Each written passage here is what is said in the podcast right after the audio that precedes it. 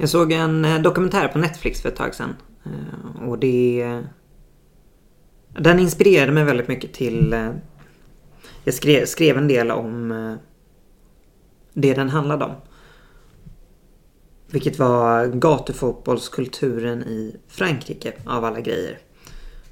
Och det, det här var en grej som jag, jag hade ingen aning om att det var, var en grej.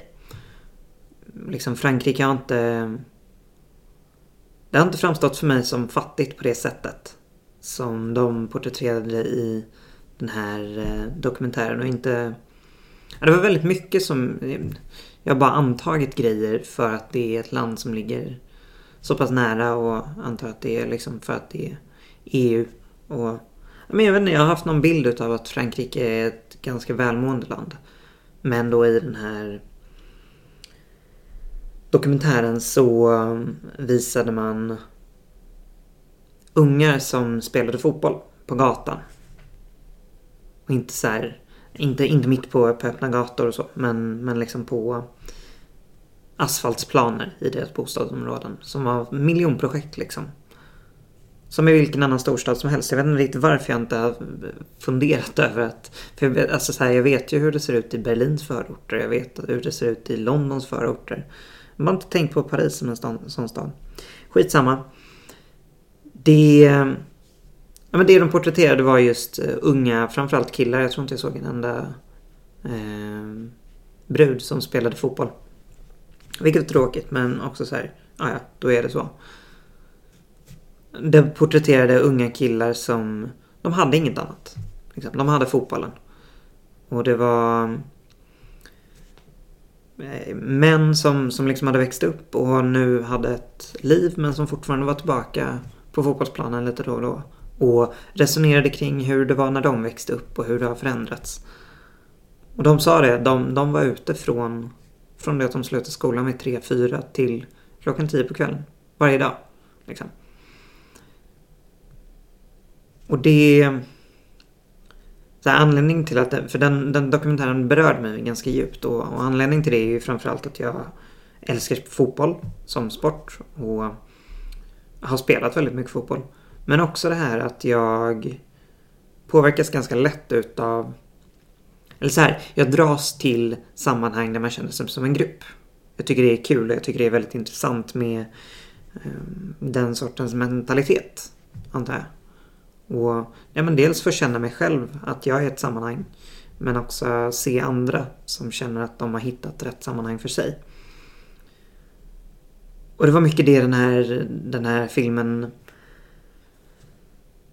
förmedlade. Den här känslan av ett vi. För det var verkligen så här, alla killarna bara, ja men vi spelar fotboll. Vi, vi är ett lag, allihopa. I bostadsområdena. Sen hade man såklart sitt, liksom, sin fem, femmannatrupp också.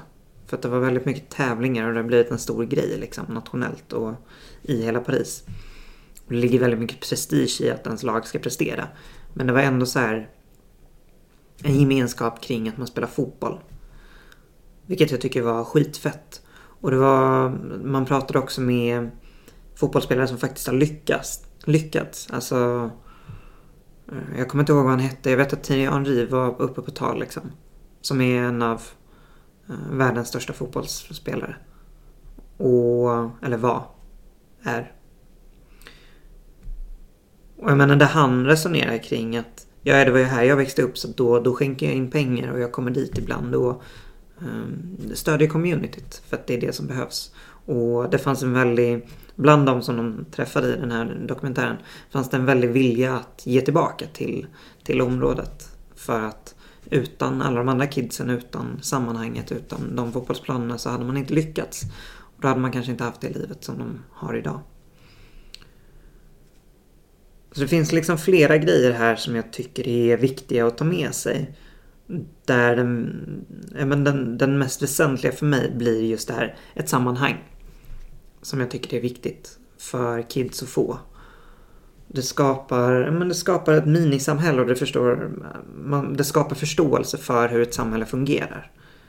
För redan när man börjar så ser man, alltså som, som ung i det här eh, och spelar fotboll så ser man de äldre som faktiskt kommer tillbaka och lär ut och snackar och du vet. Det var någon sekvens där det var en 30-årig man som går fram till en tonåring och bara såhär, lägg av! Sluta snacka skit om varandra. Sluta med den här negativa attityden. Det lägger jag mig nu annars så tar jag er boll och går liksom. Och det, det är också en uppfostran. Eh, om än kanske lite hårdare men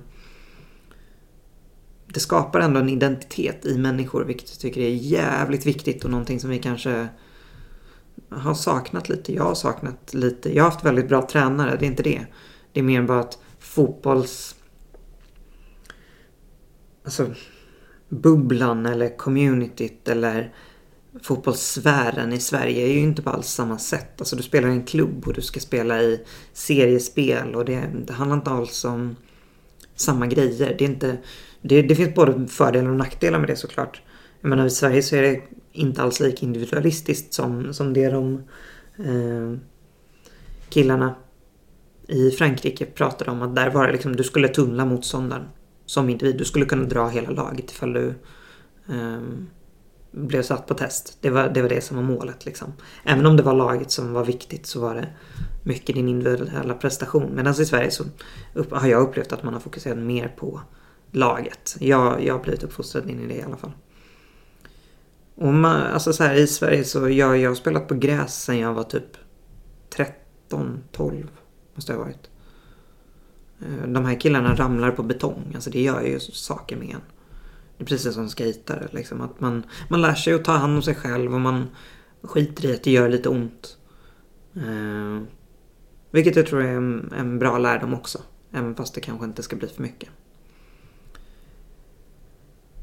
Så frågan idag blir vad, hur tror du att vi i Sverige och kanske ännu mer specifikt där du bor skulle kunna skapa den sortens eh, sammanhang och känsla för ehm, jag menar, samhället, antar jag.